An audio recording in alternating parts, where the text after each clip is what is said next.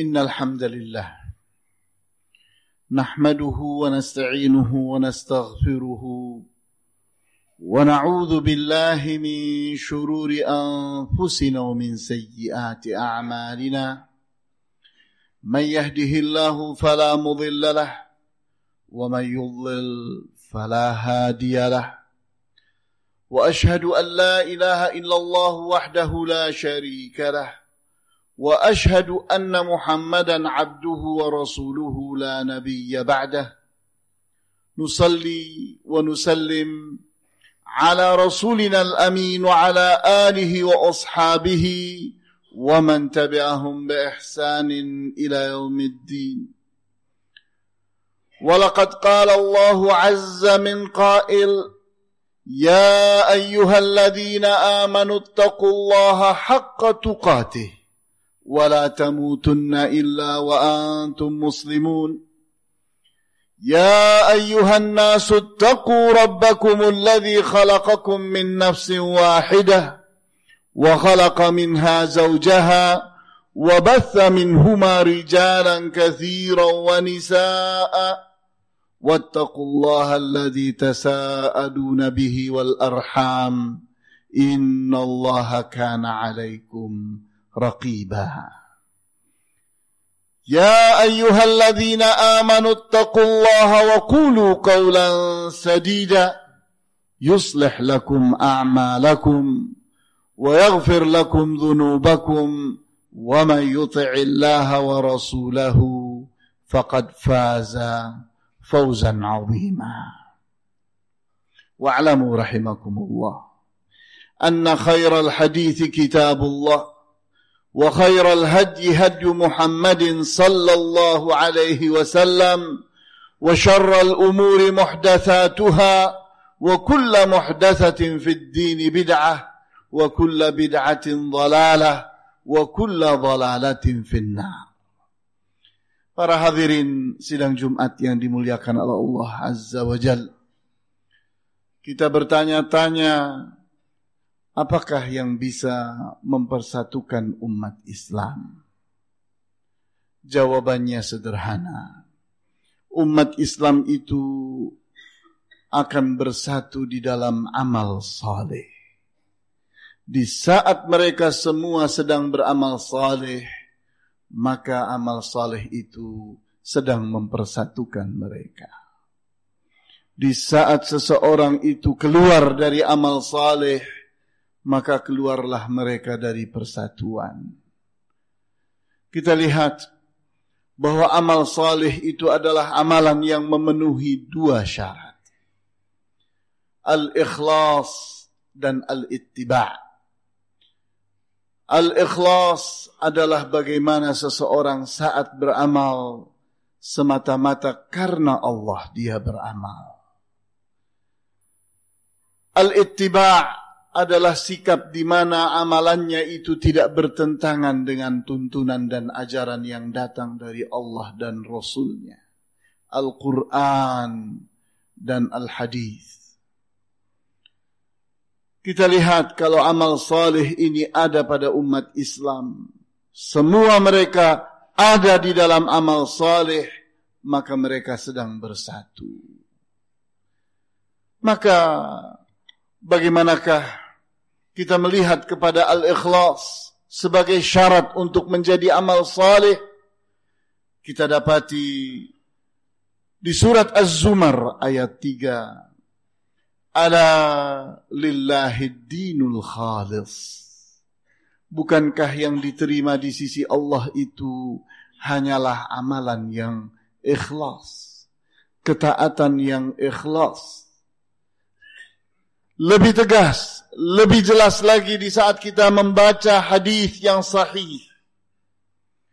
Diriwayatkan oleh An-Nasai dan Al-Munziri dan dinilai sahih oleh Al-Albani rahimahumullah ajma'in di mana Rasulullah sallallahu alaihi wasallam bersabda Inna Allah la yaqbalu min al-amali illa ma kana lahu khalisan wabtughiya bihi wajhah Inna Allah sesungguhnya Allah.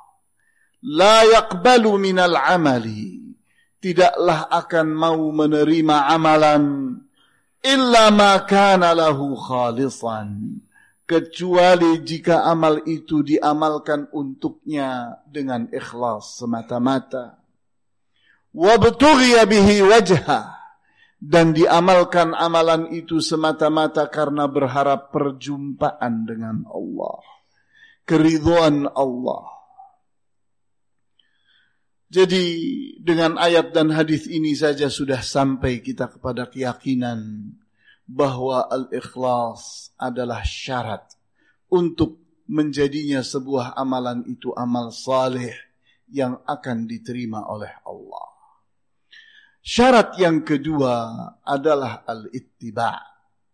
Kita tahu para rasul dan para nabi yang kita baca di dalam Al-Quranul Karim sama. Mereka itu mengajak umatnya untuk ittiba. Ittiba kepada ajaran Allah dan ajaran Rasul.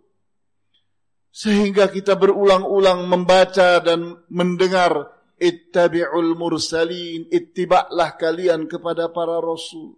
Ikuti jejak mereka. Jadikan mereka sebagai suri tauladan Jangan bertentangan dengan mereka. Itu ada pada banyak ayat dan pada banyak hadis. Maka di antara ayat yang tegas sekali berbicara tentang ini adalah surat Al-Hasyr ayat 7. وَمَا آتَاكُمُ الرَّسُولُ فَخُذُوهُ وَمَا نَهَاكُمْ عَنْهُ فَانْتَهُوا dan apa yang dibawa oleh Rasul ambil oleh kalian. Wa manahakum anhu dan apa yang dilarang oleh Rasul fantahu. Maka berhentilah kalian. Kemudian kita pun membaca pada surat An-Nur ayat 63 Falyahdharil الَّذِينَ yukhalifuna an amrihi an tusibahum fitnatun au yusibahum azabun alim. Hendaknya waspada orang-orang yang bertentangan dengan Rasul bahwa mereka itu akan ditimpa dengan fitnah di dunia ini dan akan ditimpa dengan azab yang pedih di akhirat nanti. Sehingga kita membaca bagaimana Al-Imam Ahmad rahimahullah menerangkan kata fitnah pada hadis pada ayat ini. Kata beliau bahwa fitnah itu adalah syirik.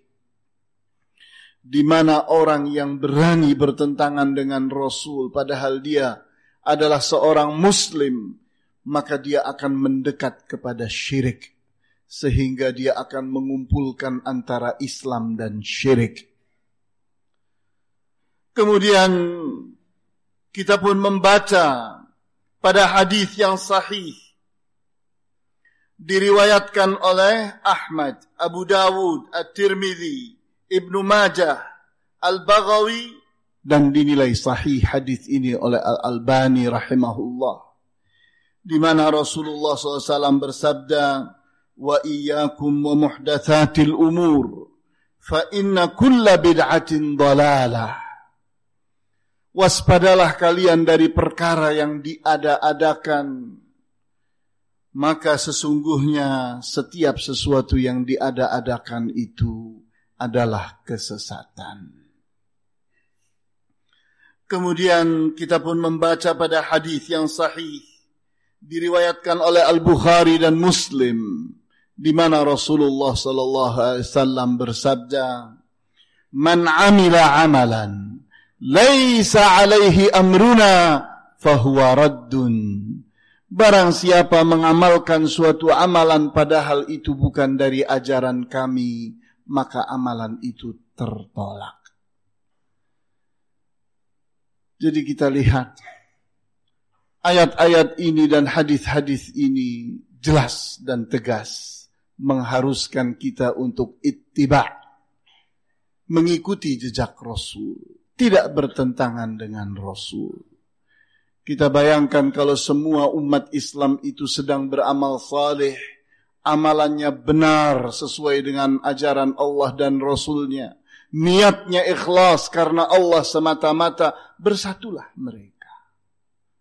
Namun pada saat umat Islam itu ternyata menempatkan kreativitas yang bukan pada tempatnya sehingga Islam itu mereka rubah-rubah, mereka tambah dan kurangi, maka Islam pun menjadi sulit, menjadi jauh dari kemurniannya. Maka sulit pula untuk mempersatukan umat Islam. Tubu ilallahi wastaghfiruhu lidhunubikum yatubullah alaikum wa yaghfir lakum dhunubakum.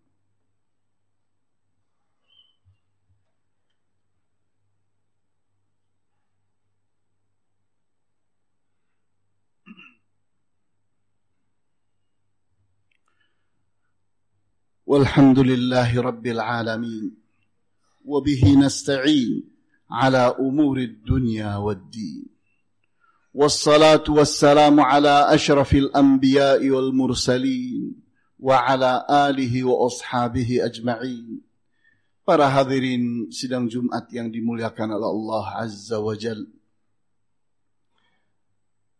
Kita membaca pada Al-Quranul Karim pada surat Al-Kahfi ayat 110. فمن كان يرجو لقاء ربه فليعمل عملا صالحا ولا يشرك بعبادة ربه أحدا فمن كان يرجو لقاء ربه Maka barang siapa yang berharap berjumpa dengan Tuhannya, ya'mal amalan salihah. Maka hendaknya dia beramal salih, wala yushrik bi'ibadati rabbihi ahada. Dan janganlah bersikap syirik pada saat dia beribadah kepada Allah, dia juga mencari perhatian selain Allah. Bersikap riak bersikap sum'ah, menuhankan Tuhan-Tuhan selain Allah di dalam ibadah. Kemudian kita pun membaca pada surat Al-Furqan ayat 23. Wa qadimna ila ma 'amilu min 'amalin faja'alnahu haba'an dan kami datangi amalan-amalan yang mereka telah amalkan dan kami terbangkan amalan-amalan itu seperti debu beterbangan. Kita lihat bahwa amal yang tidak saleh, amal yang tidak diamalkan dengan ikhlas, amal yang tidak sesuai dengan ajaran Allah dan Rasulnya itu akan dilemparkan oleh Allah menjadi debu yang beterbangan. Semakin tegas dan jelas di saat kita membaca hadis yang sahih tentang tiga orang yang pertama kali akan dilemparkan ke dalam api neraka. Ternyata di dalam hadis itu disebutkan tiga orang itu adalah seorang mujahid, seorang yang bersedekah dan seorang pengajar Al-Qur'an di saat telah datang di hadapan Allah seorang mujahid, maka Allah pun bertanya kepadanya tentang tumpukan amalan yang dilihatnya. Allah pun bertanya kepadanya, ini apa? Dia pun menjawab, Ya Allah, itu adalah amalanku. Aku berjihad, tidak lain semata-mata untukmu. Maka Allah katakan, dusta engkau. Engkau berjihad karena engkau ingin dibilang orang se seorang pemberani dan orang pun telah memujimu dengan itu. Maka diseretlah dia dengan muta dengan muka menyaruk ke tanah, maka dilemparkanlah ke dalam api neraka. Orang yang kedua adalah orang yang sangat banyak bersedekah. Maka Allah pun bertanya kepadanya, ini apa? dilihatnya setumpukan amalan sedekah yang telah dilakukannya. Dia pun berkata, wahai Allah, aku telah bersedekah semata-mata untukmu. Allah katakan, dusta engkau. Engkau itu bersedekah karena ingin dibilang orang sebagai orang yang murah jiwa, murah hati. Dan orang pun sudah mengatakan itu untukmu. Maka dia pun dilemparkan oleh malaikat ke dalam api neraka. Kemudian orang yang ketiga adalah orang yang pandai membaca Al-Quran. Qari'ul Quran. Maka Allah pun bertanya kepadanya, apakah ini setumpuk amalan di mana dia telah banyak membaca Al-Quran dan mengajarkannya? Maka Allah pun bertanya kepadanya, apa ini? Dia pun berkata, Ya Allah, aku ini mempelajari Al-Quran, membacanya dan mengamalkannya karena engkau wahai Allah. Maka Allah katakan, dusta engkau. Engkau itu melakukan hal ini karena ingin disebut orang sebagai qari Al-Quran. Dan orang telah mengatakan itu untukmu. Maka dia pun disaruk mukanya ke tanah dan dilemparkan ke dalam api neraka. Jadi kita lihat bahwa amal saleh itu sesuatu yang mutlak untuk kebahagiaan siapa pun di dunia dan di akhirat. Sehingga di saat kita ingin berbahagia di dunia dan di akhirat, maka beramal salehlah. Bersihkan amalan kita dari amalan-amalan yang bukan dari ajaran Allah dan Rasulnya. Kembalilah kita kepada Al-Quran dan Al-Hadis sehingga dengan itu kita bisa bersatu. Allahumma gfir lana dhunubana ya ghaffar. Allahumma kaffir anna sayyiatina. Allahumma hdina, Allahumma arhamna ya arhamar rahimin. Allahumma hdina, Allahumma ij'alna minal mu'minin as-salihin. الصابرين الشاكرين المخلصين المحسنين يا أرحم الراحمين. اللهم ارزقنا اتباع رسولك. اللهم ارزقنا اتباع رسولك. واجعلنا من الذين يتبعون رسولك يا رب العالمين. اللهم اهدنا اللهم ارحمنا. اللهم أرنا الحق حقا. وارزقنا اتباعه وأرنا الباطل باطلا وارزقنا اجتنابه. اللهم علمنا ما ينفعنا وانفعنا بما علمتنا. اللهم ارزقنا رزقا حلالا طيبا يا أرحم الراحمين. اللهم ارحمنا يا أرحم الراحمين. اللهم علمنا ما ينفعنا. وانفعنا بما علمتنا. اللهم اعزنا بعزتك وقونا بقوتك وأغننا بفضلك واكفنا بحلالك عن حرامك يا أعز الأعزاء يا أقوى الأقوياء يا أغنى الأغنياء يا أرحم الراحمين. ربنا آتنا في الدنيا حسنة وفي الآخرة حسنة وقنا عذاب النار. آمين يا رب العالمين. والحمد لله رب العالمين. وصلى الله على أشرف الأنبياء والمرسلين وعلى آله وأصحابه أجمعين. سبحانك اللهم وبحمدك. أشهد أن لا إله إلا أنت. أستغفرك وأتوب إليك وأقم الصلاة. الله أكبر الله أكبر. أشهد أن لا إله إلا الله. أشهد أن محمد رسول الله. حي على الصلاة حي على الفلاح. قد قامت الصلاة قد قامت الصلاة. الله أكبر الله أكبر. لا إله إلا الله.